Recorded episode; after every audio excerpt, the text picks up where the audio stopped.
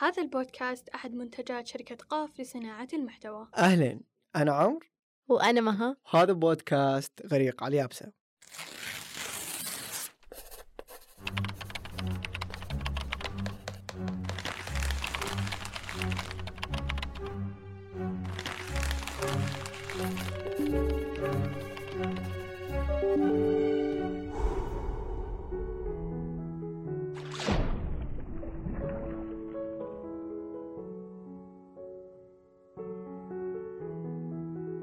الحلقة اليوم حلقة الاستضافة عن شبح الغرق واللامنطقية.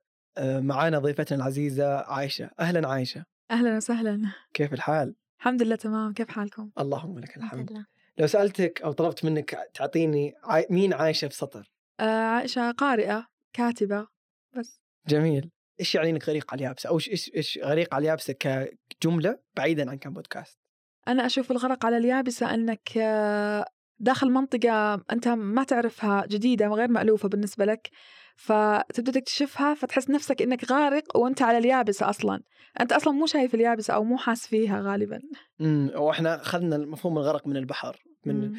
فأنت غرقان بس أنت ما أنت في البحر يس. طيب عايشة آه، سمعتي الحلقة اللي فاتت حقت ال- كانت الغرق وشبح اللامنطقية. تكلمنا فيها عن الوهم وكيف ممكن ينقلنا كذا عن ال... يفصلنا عن الواقع ويعيشنا بحياة أصلا مو حياتنا. فإيش تعريفك للوهم؟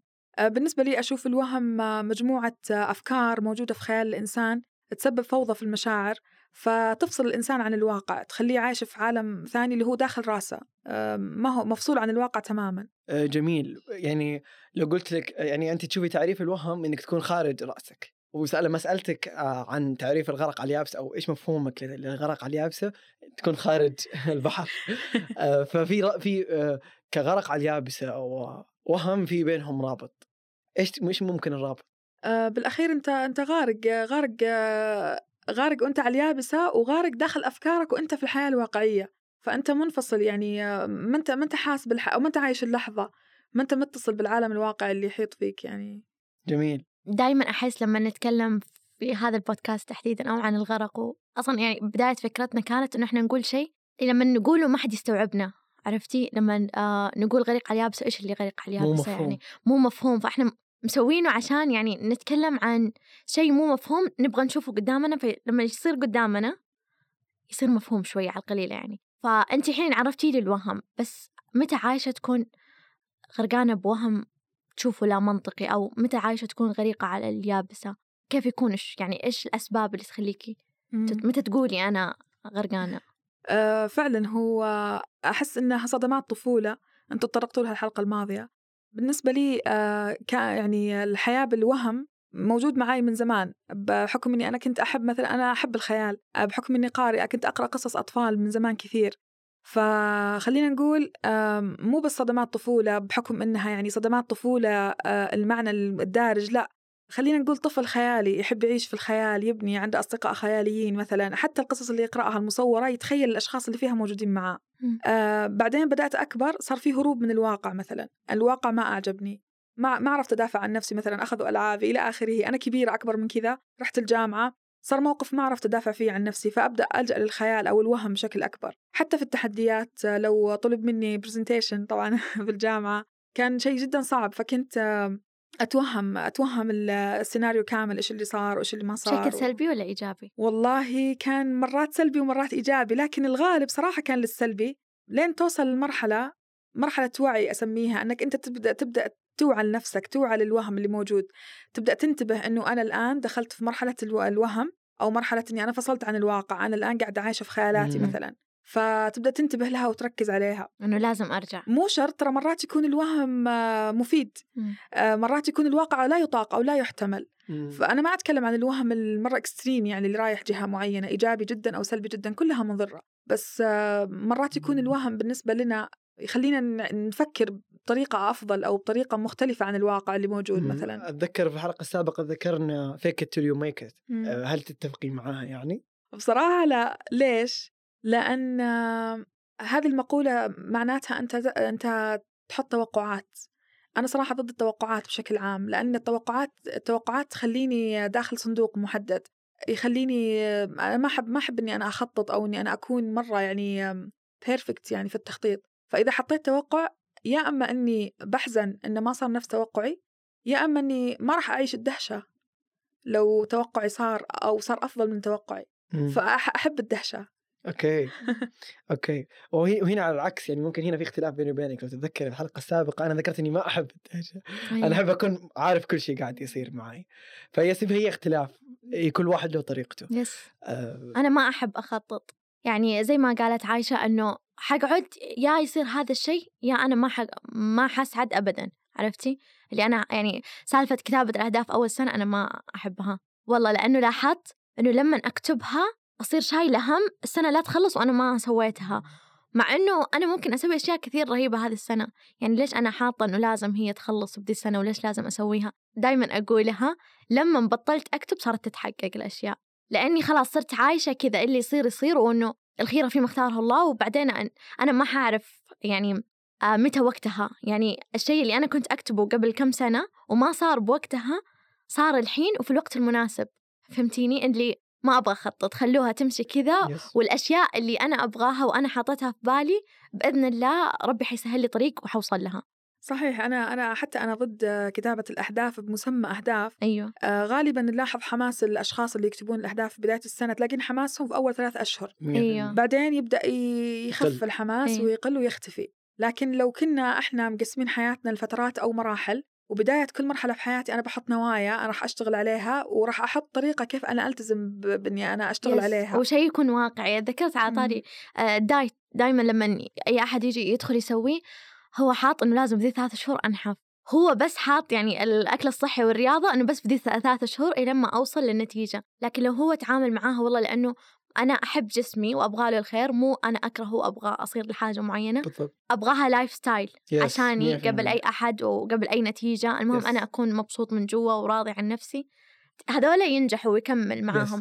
لكن اللي يبغوها ثلاثة شهور هدف معين واخلصه بالضبط. وهي زي ما نتيجة. قالت آه، عايشة هي نمط في الأخير مم. يعني إحنا حياتنا اليوم هي عبارة عن أنماط سواء متكررة أو متجددة في نمط مستمر اللي هو أنا قاعد آكل وأشرب يوميا ما راح يتغير ما, ما راح يجي يوم ما راح آكل وأشرب فأنا زي ما أنا آكل وأشرب ممكن أضيف عليها إني أروح الجيم واتدرب عشان مم. عشان جسمي أيوه بس مو لا ابى أروح الجيم عشان أنحف. هذا الشهر بعدين أسحب. أيوة. عندي مهمة معي. عندي زواج. بالضبط. وهنا هي الفكرة. يعني صح يختلف ال objective يختلف الهدف الرئيسي أيوه. بس هي المنظور العام أنا ما أكتب هدف عشان السنة زي ما قال ذكرت أنه. أحصره بهذا الوقت وأنه لو صار هي ممكن هي- لازم يصير إيه، إيوه. وهنا ممكن تجي إيجابي وسلبي إيجابي إنك كتبت وإنك تعرف إيش هدفك الس- والسلبي ممكن انك تضغط على نفسك بشكل خارج قدرتك إنك تسوي شيء أنت ما تقدر تسويه. واحيانا تكون أصلا الأهداف غير واقعية. بالضبط وهي لا يكلف الله نفسا إلا وسعها. فلطالما أنت إذا أنت وصلت لمرحلة الفلو اللي أنا أعرف إنه ربي ما راح يكلفني شيء إلا أنا قادر عليه وأعرف إني أنا أكيد أبغى عندي إنجازات معينة خلال هذه السنة وأنا ما أحب اسميها أهداف قد ما أحب اسميها إنجازات. فأنا عندي منجز أبغى أنجزه. هذه الفكرة. أنا أبغى في السنة هذه على سبيل المثال أحقق أوصل للمكانة المعينة في وظيفتي مثلا. طب لو ما وصلت عم عمر كعمر مهم. عادي السنة اللي بعدها. آه أنا لما صارت لي يعني كست آه صرت أحس إنه إني أنا حزينة وإني أنا زعلانة من نفسي عرفت؟ مم. ما كنت يعني فكرة إنه أنا كتبت الهدف وجات نهاية السنة وما حققته كنت مرة اتضايق أوكي. yes فبطلت أكتبها. عشان أقول لمها إنه مو مهم المهم صار هدفي الوحيد إني أنا أعيش مبسوطة ترى. خلف الكواليس. خلاص إي آه. حتى. خلف الكواليس كنا نتكلم أنا وعايشة ومها على فكرة ال wrong time أنا أنا أؤمن تماما في ال wrong time إنه sometimes أنت تكون تبغى شيء أو أو أنت تسعى لشيء جدا بكامل جوارحك بكامل قدراتك بس الوقت ما يساعدك. الحالة الزمنية ما هي تمام مع اللي أنت تبغاه. فلازم تكون متقبل إنه لا عادي هذا الوقت ما هو تمام راح يجي الوقت التمام. فأنا أنا لما أكتب لازم أكتب مع احتمالية إنه ما يتحقق. صح؟ 90% أيوه لازم تكون فاهم بس في إنه- 10% هامش خطأ. وإنه المهم إنه لو ما تحقق إنه أنت يعني عادي جدا عادي. يروح معك السنة اللي بعدها وعادي جدا يروح س- سنة اللي سنة اللي كمان بعدها عادي يروح معك لين لين تموت وانت. تحاول. لا وعادي تتخلى عن عن الأشياء اللي ما. تناسبك تعلمت. عادي أتخلى. لما تخليت عن هذه الأهداف والله العظيم هي تحققت. حتى أتذكر مرة في في عدد من أعداد مجلة متسع لما كتبنا أنا كانت بداية العام إنه تخلوا في مقولة اللي هو إذا أردت شيئا بقوة فاطلق م-م. سراحه أنا هذه مؤمنة فيها جدا 100% إنه إن عاد لك فهو ملك لك إلى الأبد وإن لم يعد فإنه لم يكن لك منذ البداية صحيح فأنا حتى ح... حتى نقطة التخلي أيوه يكون في التخلي تحرر. تجلي إن أنت أصلا لما تتعلق بشيء أنت ما تشوف في الدنيا إلا هذا الشيء هذا الهدف ممكن يكون في أهداف أكبر ممكن وأسمى. يكون في أشياء أفضل وأجمل صحيح. تستناك المية. بس أنت متعلق ما تخليت أنت قاعد. تدق هذا الباب اللي. هو يعني مخليك معمي عن أبواب ثانية كثير أفضل لك صحيح فأنا فعلا لما تخليت وصلت للأشياء اللي أنا أبغاها سبحان الله كذا بطرق ما كانت تخطر على بالي يس. وأنا ممكن أسميها بعيدا عن مسمى التخلي هو التخلي صحيح 100% بس أنا راح أسميها ممكن تحدث أو تطور فكرتك أو هدفك أو إنجازك فأنت إذا كان عندك منجز وأنت ما عندك ما قدرت تحققه في السنة الأولى وأخذته معك السنة اللي بعدها بس في في في ممكن. منجز في أيوه في منجز أحسن من المنجز اللي أنت ناوي له خلاص حدث منجزك طوره مم. يعني أنا ما أقول لك تخلى عن اللي قبله وابدأ واحد جديد لا هو نفسه بس أنت طور إني أنا أبغى شيء أكبر بمعطيات اللي اللي في معاك في المعطيات الحالية. يعني هي هو هو عبارة عن تخلي عن ال- ال- المنجز السابق بس إنك حدثت المنجز الحالي. وهنا هي الفكرة. إحنا نحتاج نكون فليكسبل أو جدا مرنين مع أنفسنا. أيوه. آه، فكرة الإقصائية وأكون أو لا أكون يس هذه. الأبيض والأسود جدا سيء. مرة. آه أنا كنت في برضو مع نقاش قبل فترة مع أحد الأصدقاء فكان يقول لي أنا ما عندي في حياتي إلا أبيض وأسود. قلت له طيب اصبر خليني أخلص كلامي. آه قلت له في فرص كثير قاعدة تضيع منك. بس فكرة إنه أنت حاط أبي أبيض يا أسود. في رمادي. عادي تكون جراي عادي ما عادة تكون كل الألوان. بالضبط. يعني عادي جدا تقول لي اليوم أحمر عادي أخضر عادي أزرق 100% زي ما قالت عايشة. ليش أنا حاد نفسي على هذه اللونين؟ كلها ما أحب أنا واحد شخص واضح وما أحب إلا هذا. فارتبط عنده إنه ما يح... إنه الوضوح الواضح لازم. يا أبيض يا أسود. مم. قلت له ليش ليش حاد نفسك كذا أنت بحياتك مسكر أبواب كثير؟ بس لمجرد إنك تكون يا أبيض يا أسود. قال لي وأنا أحب أمشي في حياتي أقرر هذا أبيض خلاص اتعامل معه هذا أسود أطلعه من حياتي أو ما أتعامل معه. إقصائي. يس فهي الفكرة وين؟ إنه عادي جدا أنت اليوم حتى بدون ولا لون شفاف. يعني في أشخاص في حياتنا اليوم ممكن لهم سنوات طويلة أنا أتعامل مع ناس بدون ألوان يعني لهم أيوة، طيبين ما- ولهم سيئين يس ما, ما تعرف تحدد. هم إيش بالضبط. بس إني أنا أنا طالما أقدر أتعامل معك وأمشي اللحظة بشكل جيد خلاص. أنا ما أحتاج أحدد لك لون.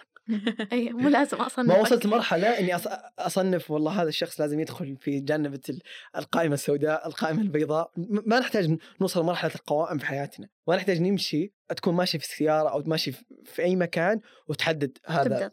تصير تحكم. يلا. الأحكام أي إطلاق الأحكام. يس وإنه هذا الشخص تعامل سوى معي هذا الموقف يلا خليني أطلعه. هذا سوى معي موقف. آه وعلى طاري الأحكام آه أتوقع تطرقنا لها بالحلقة اللي فاتت إنه أحيانا إحنا نتصرف بشكل طبيعي تماما آه والشخص الثاني يفهم أو يشرح تصرفاتنا على كيفه بناء على وهمه ويقعد يعيش في خيالات. حتى إحنا أحيانا ممكن نسويها إنه لا والله ليش فلان سوى كذا؟ إيش كان يقصد فيها؟ ونقعد نعيش أسابيع وشهور في خيالات إحنا كنا نقدر ننهيها. في لو جينا تعال صارحني تعال قول لي أنت إيش حسيت.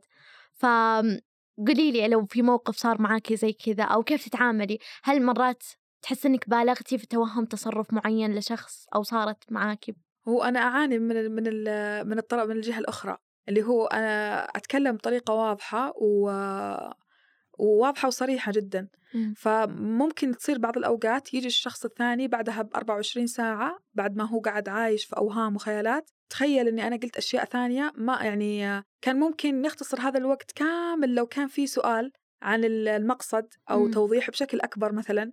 برضو هذا أنا أحسها نا- نابعة من أشخاص عايشين في عقلهم طول الوقت. يس ما يسمعون لصوت قلبهم أو مشاعرهم وما يسمحون لها إنها ت- إنهم يعبرون عن مشاعرهم بطريقة واضحة بشكل أكبر. 100% الإنسان اللي عايش بعقله طول الوقت إنسان منطقي تماما. آه واحد زائد واحد يساوي اثنين. خلاص يعني أنت قلتي كذا خلاص أنت قصدك كذا. آه فهذول الأشخاص آه أضيف على كلامك ما ما يتقبل كلام الشخص الثاني حتى لو الكلام الشخص الثاني قال كلام منطقي هو راح يحطه كاحتمال لكن هو بالاخير راح يتعامل مع مع كلام عقله صحيح إيه فعلا مروا علي أشخاص كثير زي كذا اللي هو إنسان عايش في الخ... في, الأفكار يس آه طول الوقت يفكر يفكر إيش كان قصدها إيش قالت طب يمكن قصدها كذا طيب هذا أشياء ممكن نتجنبها ونختصر الوقت علينا بالسؤال الاستضاحي أيوة. إيه. Yes. يعني لو سألتني إيش كنت تقصدي باللي قلتي يعني مرة كنت حتوفر على نفسك طريق ومضر لك أصلا أنت يعني مرة ما كان يسوى عليك تضيع يومين في حياتك. وأنت تفكر أنا إيش كنت أقصد صحيح. يعني أحيانا في نصيحة كذا كانت دائما إنه لا تشخصني. عشان تكملي مثلا في وظيفة أو في علاقة لا تشخصني كثير يس يعني لا تركزي بكل تفصيلة ترى عادي يعني إحنا أحيانا نقول كلام عفوي ما نقصد فيه نقوله يعني أحيانا نمزح مزحة تطلع مننا يعني أنا أنا أقول دائما إنه مستحيل تسيطر على كل كلامك مستحيل في نقطة حابة أضيفها قولي بالنسبة لي أنا شخص مفرط الحساسية إيه. طيب فالأشخاص مفرطين الحساسية آه، دائما عندهم آه، يقظة كذا. أيوة يلقطون المشاعر على طول إنه أيوة. آه، وممكن حتى أحس بطاقة عندهم الشخص. وهم اي إيه. عندهم حتى وهم بعض الأوقات Yes. ليش؟ لأنه ممكن زي ما قلتي انت جت مزحة بس هذا الشخص لا استقبلها بطريقة ثانية إنه كانت فيها تجاوز الحدود. يس. أيوة. مثلا ك... أو إنه هذا المزحة ما جات من قليل. أنت أكيد كنت تفكر بهذا الموضوع وكان Yes, ودك yes. تقوله من زمان بس طلع كذا. كل مزحة في لها قاعدة جت إنه من أيوة ما جات من فراغ. وزي ما قلتي مفرطين الحساسيه هو هو ترى ممكن تقولي المزحة بس تعابيرك وقتها كانت فيها شوية جدية هو ياخذها بشكل جدي. بس لو قلتي المزحة بتعابير مختلفة ممكن ياخذها كمزحة لأنه هو كثير يركز أو بالتفصيل تفرق مين قالها عرفت؟ yes yes أيوة هو- أنا أقدر أتقبلها من فلان بس هذا لو قالها معناته وبناء على خلفية الشخص وعلاقتك معه بالضبط تتقبلها yes، ولا yes. لا إذا أنت عارف إنه صح أي أتفق- هذا أحيانا أتفق، يقول أيوة. كلام لا يقصد فيه أشياء ثانية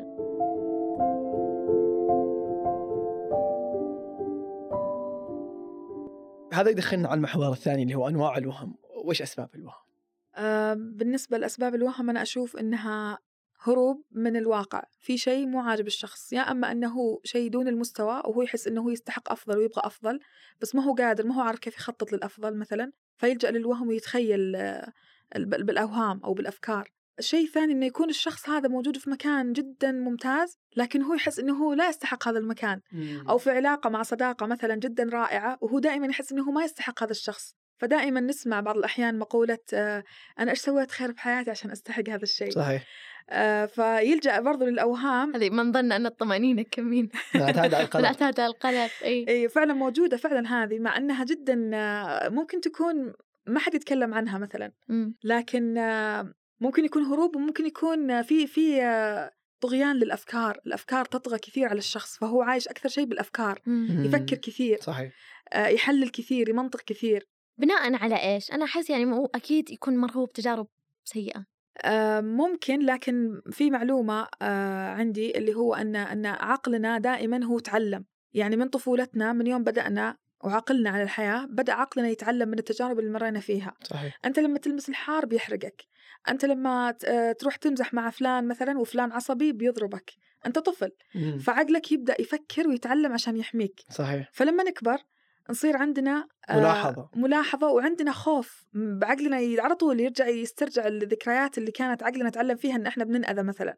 فيطلعنا للوهم عشان يذكر إنه ترى ممكن هذا الموقف بعدها بيصير فيه ألم آه غالبا آه أحب أتعامل مع هذا الموقف إنه أهدي عقلي دائما أهدي الأفكار أسوي الشيء مثلا اللي اللي أبغى أسويه أو التجربه اللي أبغى أخوضها بعدين أقول لعقلي شفت أنا شكرا إنك أنت قاعد تطمني بس ما صار شيء.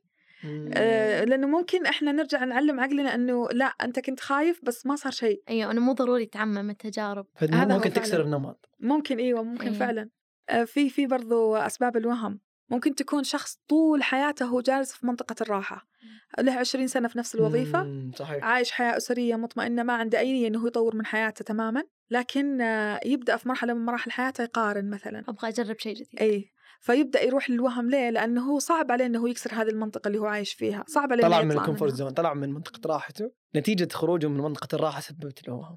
وممكن هو بدأ يتوهم إنه مم. لو رحت أخذت هذه الحياة إيش بيصير؟ هل بتصير سلبية؟ عرفت إنه م- عقله بدأ يخوفه من فكرة اتخاذ هذا القرار. yes. حتى بموضوع الاستقالة تصير أي كثير صحيح. أيوة تغيير وظيفة مثلا استمر أي. عليها سنوات. آه، جته فرصة أفضل بس هو خايف يطلع. هذا ينقلني لسبب ثاني أشوفه للوهم الخوف. مرة إحنا أغلب مشاعرنا آه، بحكم آه، آه، خلينا نقول مثلا آه، تربيتنا أو ثقافتنا أنه دائما كان في تخويف. حتى الأطفال نقول خوفوه عشان ما يعيدها مرة ثانية أو خوفوه عشان ما يسأل عشان ما يبحث مثلا. فهذا الخوف لما استمر معانا وكبر كبر لين ما وصلنا عمرنا اللي الحين دائما نخلط بينه وبين مشاعر ثانية. تلاقين مثلا الأم خايفة على ولدها بس هي تعصب عليه. أحس إنه لازم نجلس مع نفسنا ونستعمل التدوين. غالبا لما نستعمل التدوين أو الكتابة نرجع لجذر الشعور إيش كان الشعور أصلا في البداية؟ هل أنا فعلا غاضب أو أنا معصب؟ آه هو الغضب هو العصبية أو أنا خايف؟ هل أنا فعلا حزين أو أنا خايف؟ فغالبا أنا أحس لما نرجع لمشاعرنا يرجع أصلها خوف. امم أوكي. وأنت تتكلمين ذكرت في تعليق وصلنا في ال social media في قاف. كانت كاتبة الحلقة جدا جميلة وأنا أسمعها شعرت إن الدافع الحقيقي وراء الوهم. اللي يصيبنا أو التفكير السوداوي أو الأفكار السلبية هو دافع شعور طبيعي اللي هو الخوف. فممكن له لما يتحول الخوف من شعور طبيعي إلى شعور غير طبيعي ومهدد لراحه الإنسان يبدأ الإنسان في الشعور باللا منطقيه وأعتقد إنه وراء الخوف هي خسارات عظيمة. مثل خوف الهجر أو الانفصال أو الفقدان خوف من الفشل وخسارة وظيفة أو دراسة أو مجتمع وإلى آخره. فبقدر مخاوف الإنسان إلى جزء كبير منها يسبب مني على بسبب مبني على ماضيه وتجاربه. تتكون اوهامه فكل ما يعني إحنا كل ما كثرت تجاربنا وماضينا كل ما زادت الاوهام يس أنا هنا اللي تذكرت اللي كنت بقوله إنه آه لو لو فرضنا إن أنا مثلا دخلت في علاقة صداقة وصارت لي تجربة سيئة مثلا إن أنا انخذلت أنا وثقت في إنسانة مرة بشكل يعني حطيتها تحت مرتبة أهلي على طول وبعد فترة اكتشفت إنه أنا ما أسوى لها شيء. عرفتي يعني مو بنفس اللي أنا كنت مرة مرفع فيها. كنت عبالي إن الشعور متبادل. فبعدين يعني لما جيت أدخل في علاقات صداقة جديدة طبعا صرت أحاول قد ما أقدر إني أنا أكون سطحية أكثر يعني ما أتعمق في الشخص. فعلى قولتك عقلي كان يحاول يحميني من حاجة. فأنا زمان كنت أسمع فكرة إنه لما أنا كنت أقولها هي ما صارت معي كذا إلا وهي صار عندها تجربة. هي قبلي كانت مجربة شعور. فهي دخلت علاقتي معها سطحية. عرفتي؟ فكنت أقول لها إنه لا ترى أنا مو زي فلانة.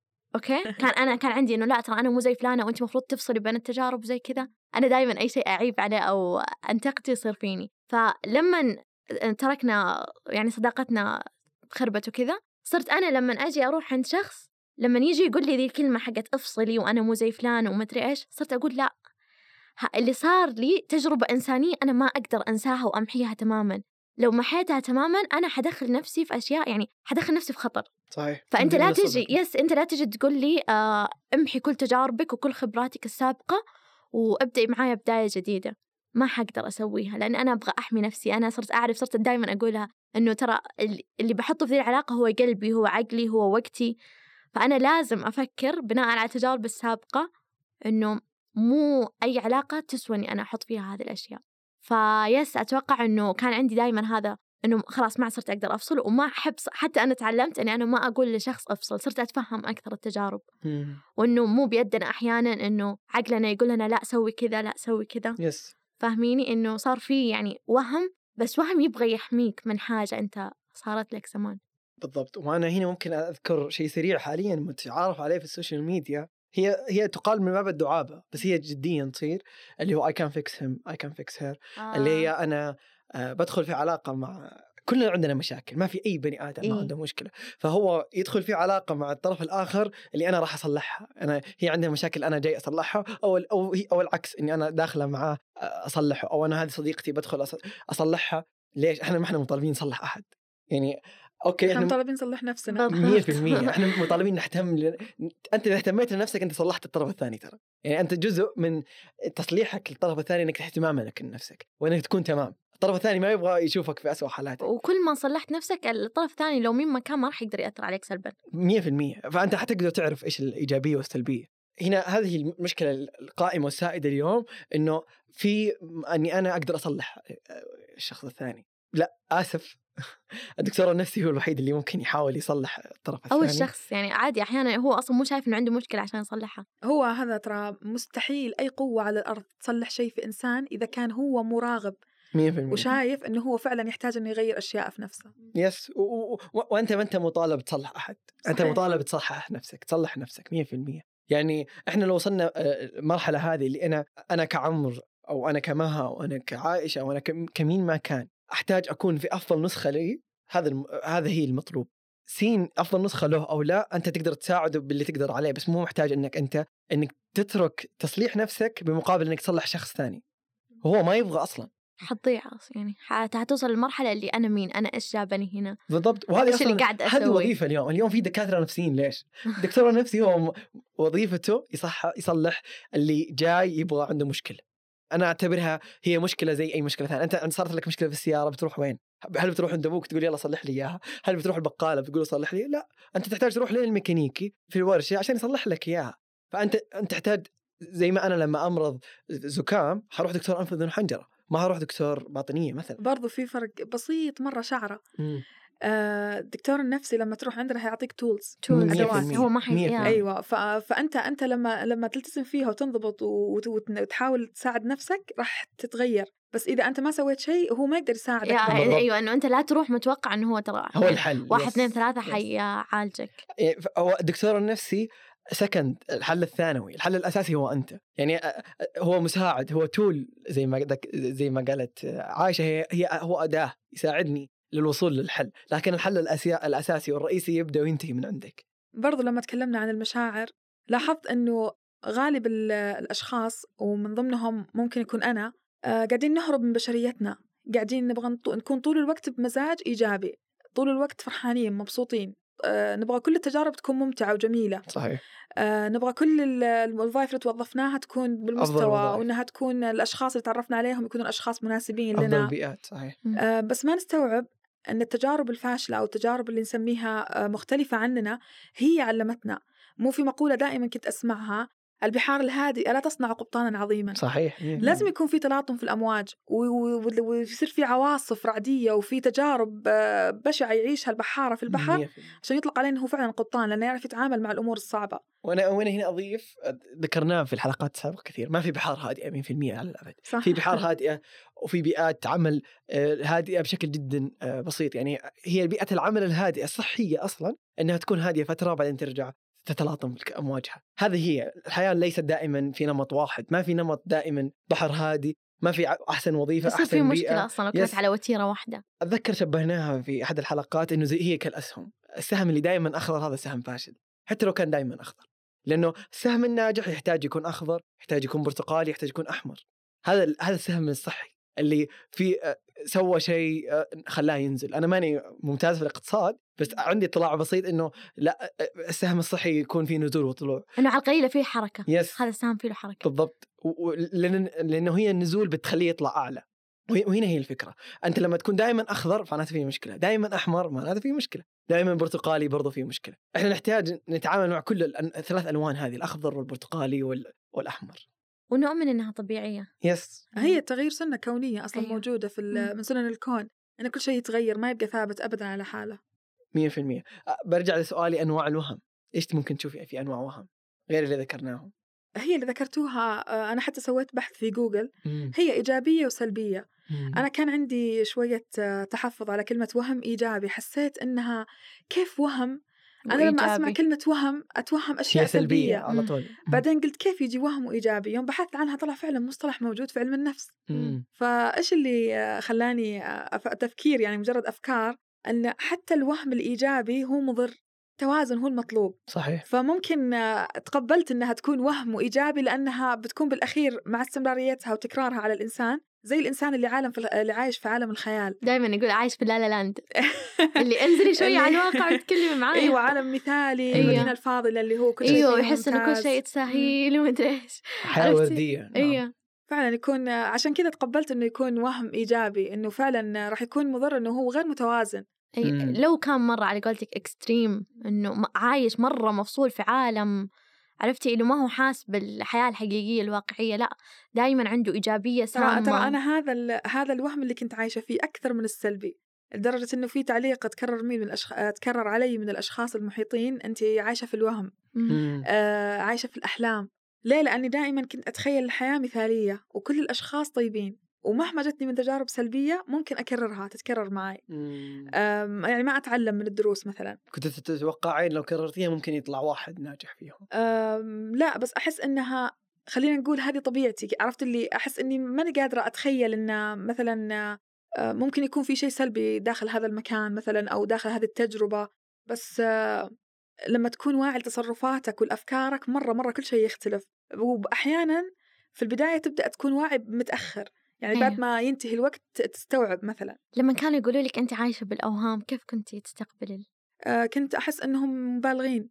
كنت أحس إنهم في مبالغة في الموضوع. ليه؟ لأني كنت أحس إن الحياة قاعدة تعطيني على الشيء اللي أنا قاعدة قاعدة أتخيله قاعدة أحس فيه مثلا. فلكن بعدين لما يبدأ الإنسان يوعى افكاره في نفس اللحظة أنا أعتبرها هذه قمة الإعجاز إنك تقدر تغير. ليه؟ لأنك أنت قاعد توعى في نفس اللحظة. أنت واعي إنك أنت الحين قاعد في وهم. الوهم هذا إيجابي أنا الحين حاسة بشعور هذا الشعور هو خوف فتحتاج ممارسة كبيرة مرة إنك توصل لهالمرحلة إنك أنت تحلل شعورك. مم. وتعرف آه. متى تتخذ القرار أتوقع. أيوه. هي غالبا المشاعر آه، ناتجة عن أفكار فالفكرة تجيب شعور. مصاحب لهذه الفكرة. متى وعيتي إنه لا عايشة هدي من دنيا الأحلام والأوهام شوية؟ أه خليني أقول يعني متى حسيتي أوه والله اللي كانوا يقولوه شكله صح؟ التجارب.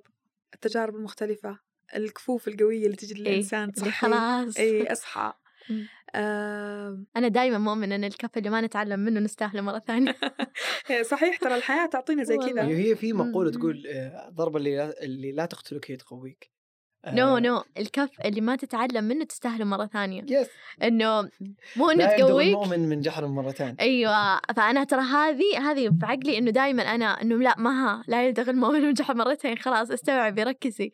عرفت اللي أحيانا يجيني وهم إنه والله أنا تجيني مشاعر كذا لحظية إنه الله شكله هذا الإنسان مرة رهيب شكله لازم يدخل حياتي. بعدين أقول لنفسي والله العظيم قبل أسبوع صارت لي بالسيارة اللي كذا حسيت تجاه شخص بهذا الشعور في السيارة قلت لا مها ركزي. انت ترى يعني في بدايات العلاقات يجيكي كذا بس انت ما ما تعرفي هذا الشخص تماما بس شفت الجانب الحلو منه. عرفتي؟ فلا هديها هدي المشاعر هذه. ترى مشاعر مبالغة نزليها شوية. الحماس. أيوه حماس البدايات. هديه شوية لأنه كان فيها قرار مصير. يعني كان في في نهاية هذا الشهر في قرار مفروض أنا أتخذه فحسيت إنه أوف هل ممكن أسويها؟ لا. آه صرت واعية إنه لا هذه مشاعر بدايات. وإنه أنا المفروض ما أتخذ القرار الحين أستنى لما تهدم مشاعري وبعدين آه آخذ. بالنسبة للوهم الإيجابي عندي مم. تعليق. أنا أرى أن الوهم الإيجابي يكون مفيد في بعض الحالات حتى لو كان اكستريم جدا عالي.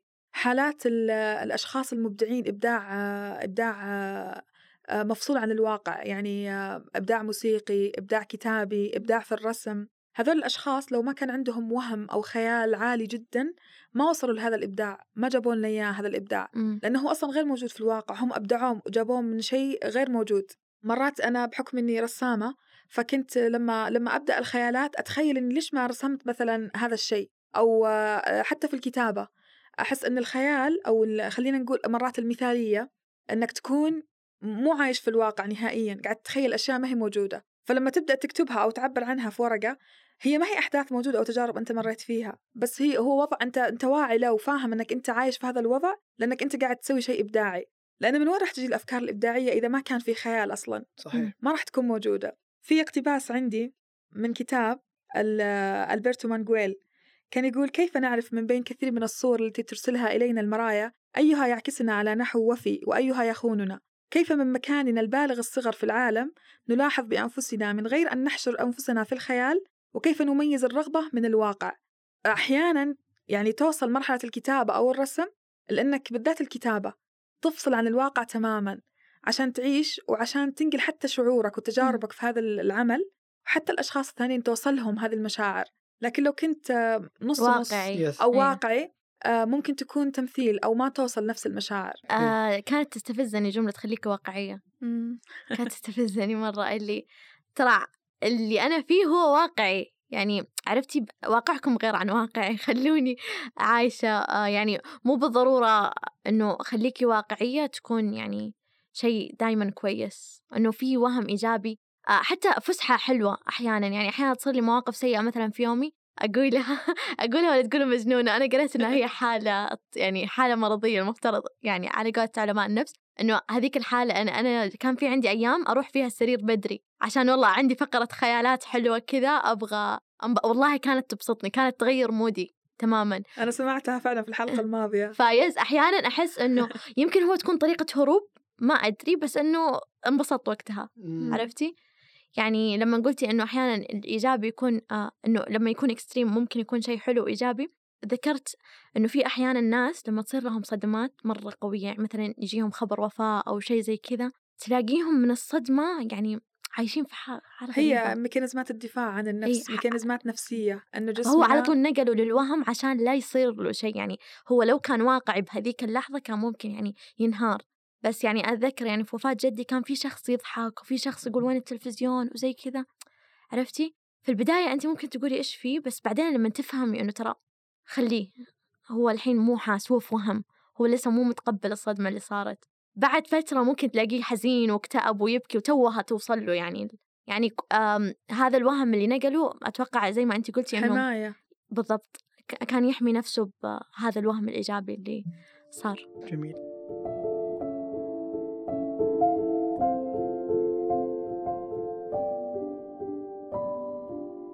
طيب عايشة بما أنه يعني أتوقع تطرقنا لمواضيع كثيرة عرفنا الوهم أنواعه وأسبابه.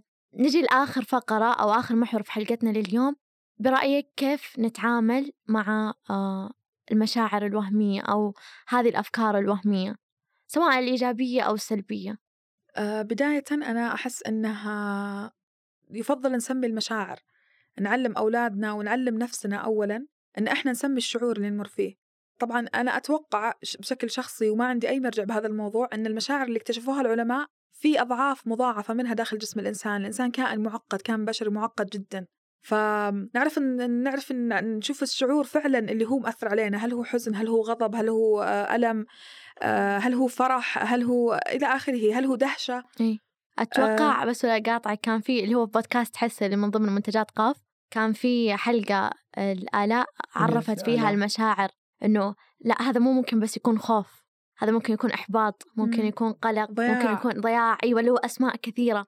عارفة إنه أنت عندك آه ثلاثة تعريفات فكلها تقوليها تت... إنه كلها تعرفيها إنها هي خوف هذا غلط. صحيح أتفق معاها.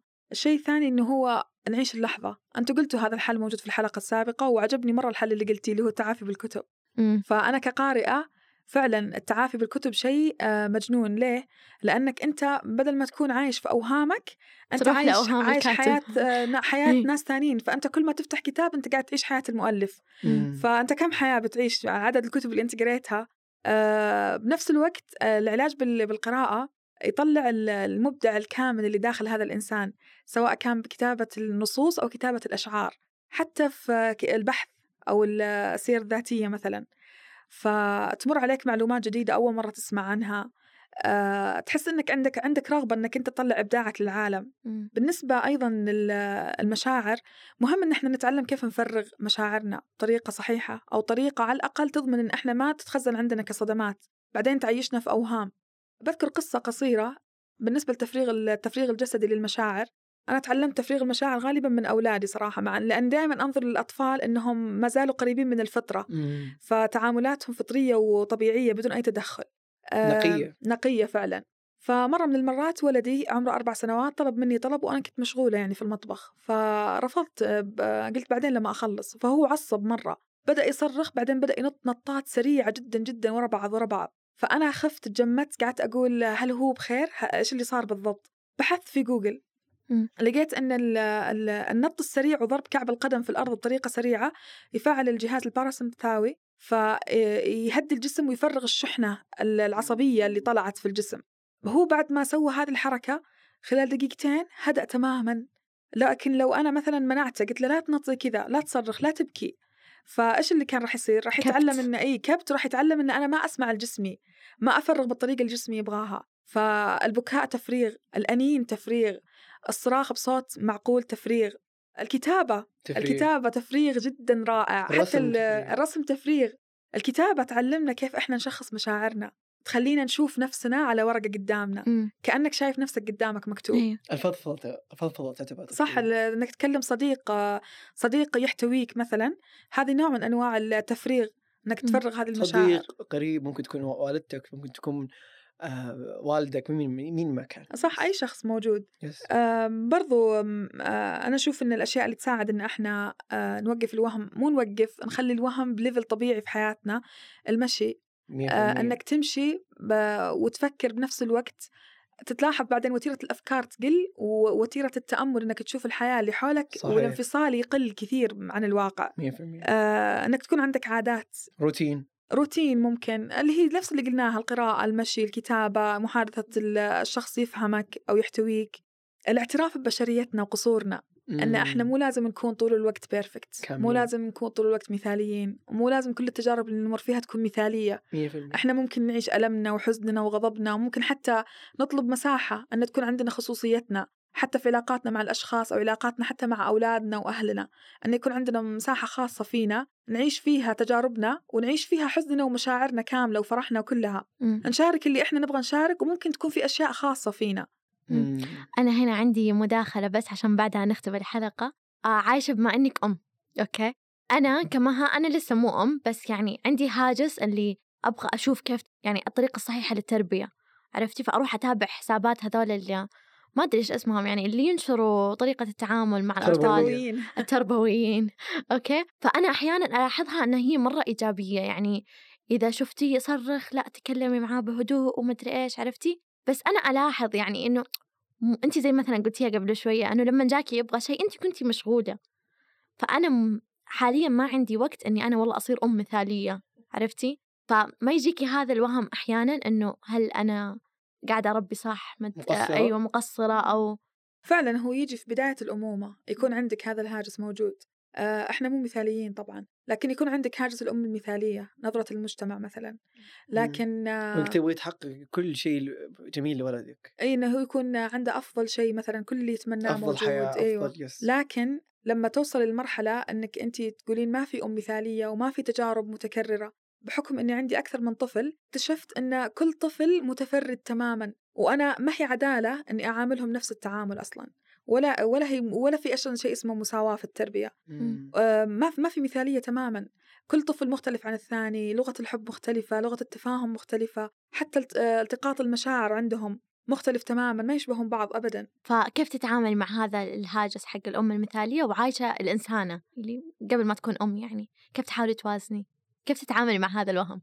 هو في آه، في آه، في مساحة طبعا. مم. آه، لأي إنسان في العالم حتى لو كان أم حتى الأمهات في عندهم مساحة خاصة فيهم ياخذون فيها بريك من كل الدنيا يكونون مع مم. نفسهم.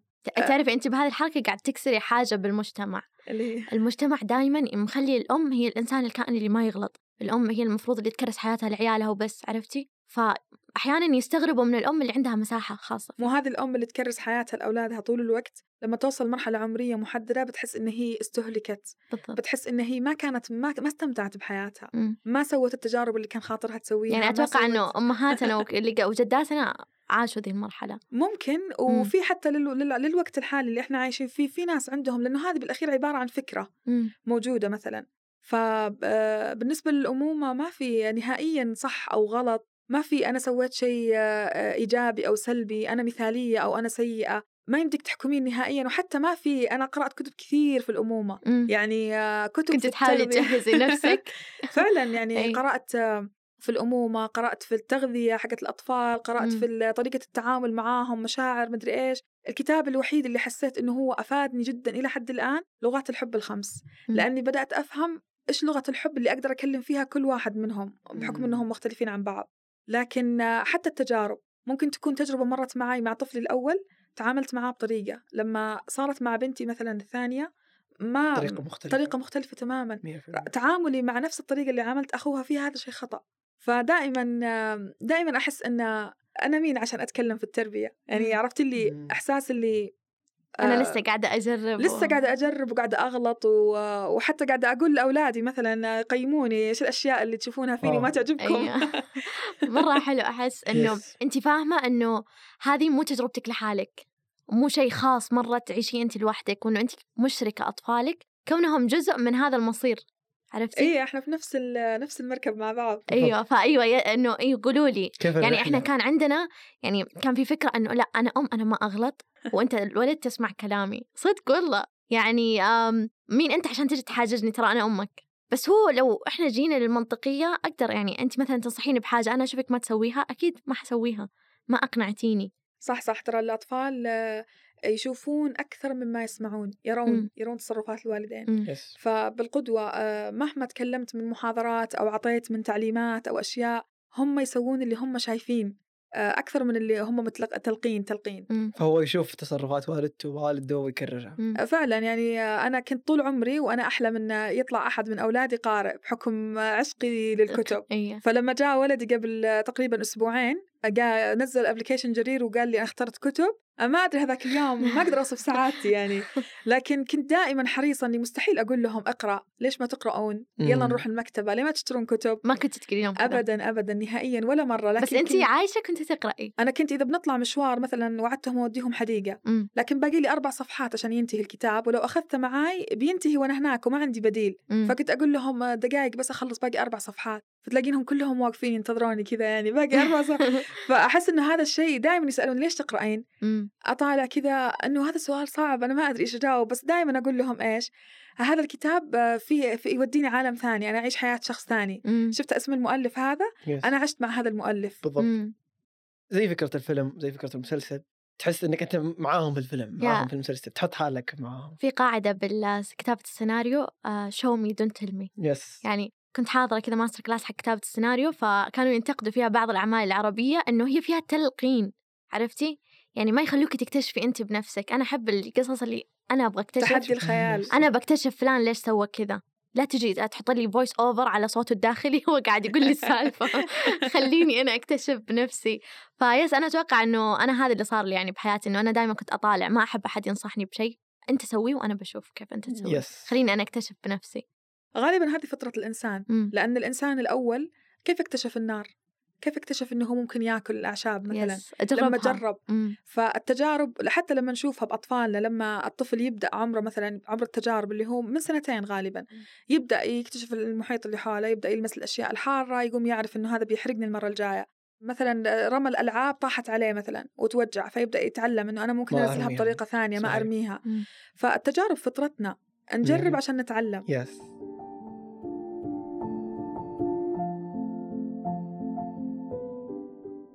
ختام الحلقة عايشة. صدقا ممتن جدا وشاكر لك. آه أي. أم عظيمة. شكرا الله يسعدكم. والله أنا اللي ممتنة على الاستضافة. آه الله يخلي لك وعيالك ويحفظهم الله يسعدك. ويحضهم في أمهم. الله أي يسعدك صدق يعني إحنا أحس نفتقر للغة الحوار وخاصة مع الطفل يعني شيء حساس مرة. يعني أنا عندي هذا الوهم والهاجس اللي تربية طفل جدا مسؤولية. برضو برجع أقول لك ما كنت أحاور الطفل الأول ما كنت أعرف إيش أهمية مم. الحوار yes إي بس مع التجربة بعدين، أيوه مع إيه. التجربة عشان كذا أنا دائما أقول تعلمت منهم مم. آه لما لما ينفتح الحوار خلاص تعلمت إنه الحوار حلو مم. آه إحنا قاعدين نفهم بعض إحنا قاعدين نفهم yes. لغة بعض مم. يس بس آخر حاجة بالنسبة لنقطة تعلمتي منهم برضو كان عندنا أو أنا لا يزال عندي هذا الهاجس أنه الصفات اللي أنا كنت أكرهها في أهلي أنا خايفة أني أنا مثلا أسويها لا شعوريا عرفتي أجذبها لحياتي لا شعوريا من كثر ما أنا حطيتها هاجس قدامي أنا ما أبغى أصير كذا. عايشة كيف قاعد تتعامل مع الموضوع كأم؟ في عندك، البدايه أيوه. كان عندي نفس نفس مخاوفك إنه فعلا ما أبغى أنقل هذه الأشياء ما أبغى أنقل هذه الأشياء لأولادي. ما أبغى نفس الحلقة تتكرر من الأجداد للأبناء اللي تتكرر نفس التربية نفس الأشياء. فلما كان هذا الهاجس موجود كان فعلا طول الوقت تحس نفسك خايفة ومتوترة. لكن لما تحسين إنك انت وصلتي لمرحلة وعي إنك انت تقبلتي الأشياء اللي مرت عليك في حياتك كاملة وتكوني مؤمنة إيمان كامل من داخل أعماق يعني القلب إن هذه الأشياء هي اللي صنعت شخصيتي الحالية ووصلتني للشخصية اللي أنا عليها آه، أشكر كل ال- الأجيال اللي مرت إن هذا هذا التعليم اللي كان موجود مثلا هذه الثقافة اللي كانت سائدة. هذه التقاليد اللي كانت في المجتمع مثلا طريقة التربية طريقة التعامل مع الأولاد مم. طريقة الحوارات مثلا عصرنا الحين عصر مختلف تماما فنتعلم من أولادنا يعني آه، مم. نتعلم كثير كثير فوق ما أي إنسان يتخيل ومن هنا أتوقع نقدر نختم الحلقة جزء كبير من حلنا للمشكلة هو وعينا فيها وإنه إحنا كيف نقدر نتعامل معاها ونقيم إنه والله هذا شيء أقدر أكمل فيه يعني هل إحنا نقدر نعيش مع الوهم طول حياتنا؟ لا طبعا حنتعب نتعايش معاه بطريقة اللي هي زي ما أنت قلتي إنه منطقية إنه بحيث إنه ما يأثر على حياتي سلبا يعني بشكل يخليني مثلا أضيع أو أغرق زيادة. 100% ممتن جدا. أكرر امتناني العظيم لك الله عايشة. يسعدكم. والله إحنا محظوظين أيضا باستضافتك هذه. ولكل مستمعينا شكرا لكل واحد وصل لهنا يسمعنا. شكرا لكم. ونشوفكم إن شاء الله بالحلقات القادمة.